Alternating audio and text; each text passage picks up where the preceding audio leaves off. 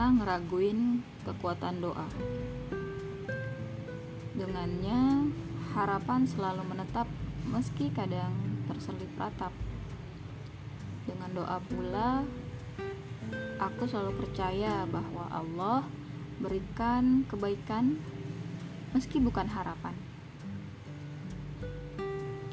Doa membuat hati yang gundah menjadi tenang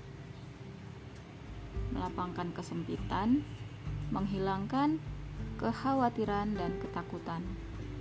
Dengan doa, aku selalu yakin bahwa Allah tak pernah mengecewakan hambanya. Maka penting bagi kita untuk selalu menaruhkan harap hanya kepada Allah. Karena putus asa hanya cocok bagi mereka yang tidak yakin akan ketepatan janji yang Allah berikan. Bukankah Allah sebaik-baik penepat janji? Tentang doa, aku jadi ingat sebuah hadis yang disabdakan junjungan Nabi. Perbanyaklah doa.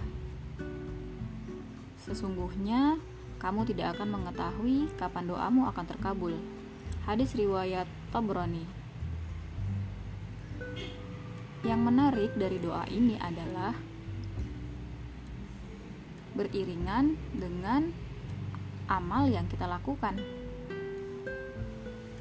Jadi kalau misalkan ternyata doa yang kita panjatkan, doa yang kita lantunkan tidak mendapat jawaban dari Allah, barangkali ada kelalaian yang kita lakukan, ada kemaksiatan yang diam-diam kita kerjakan. Aku jadi merenung. Seringkali Allah menegur kelalaian manusia dengan begitu lembut dan penuh kasih sayang. Coba bayangkan, manusia sering banget nunda sholat, atau hanya cukup mengerjakan ibadah yang wajib, itu pun sering telat. Tapi kalau doa, berharapnya segera mendapat jawaban. Apa nggak malu ya sama Allah? Hmm, mungkin itu hanya aku. Sayangnya, perasaan seperti itu hanya sesekali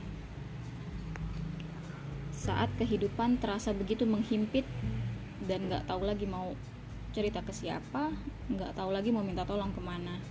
Padahal solusi dari segala kesulitan sedekat kening kita dengan hamparan sajadah untuk bersujud. Maka sepatutnya bukan kepada siapa yang kita cari untuk memberikan solusi, melainkan kembali kepada Allah, penguasa langit dan bumi.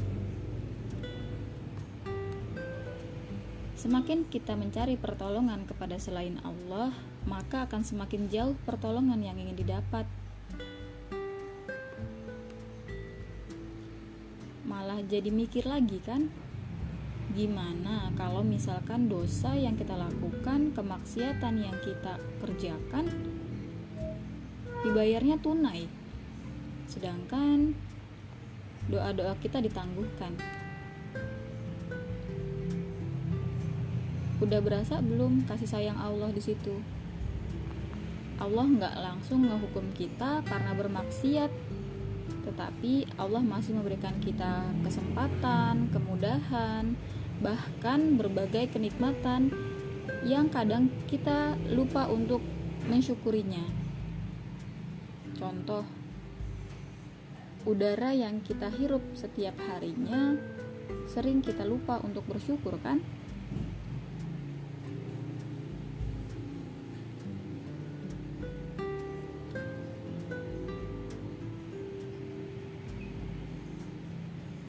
Maka teman-teman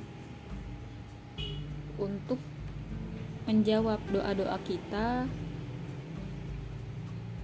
untuk bersabar dengan segala ketentuan dan takdir yang Allah berikan untuk kehidupan kita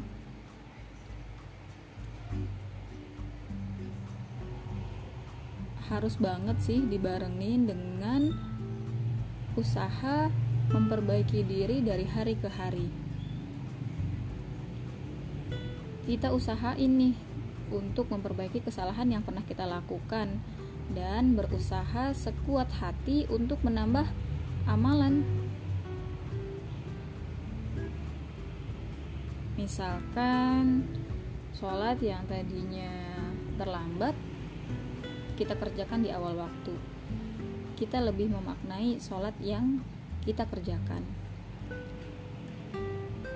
Pelan-pelan ditambah melakukan amalan lain dengan baca Quran misalnya dan tadabur terjemah ayat-ayatnya supaya kita paham apa yang sebenarnya sedang kita baca. Dan sebenarnya ayat-ayat Al-Qur'an itu adalah jawaban dari doa-doa yang kita lantunkan. Jadi gimana? Udah siap nambah amalan? Nambah sholat sunnah di sepertiga malam misalnya? Yuk kita usahakan.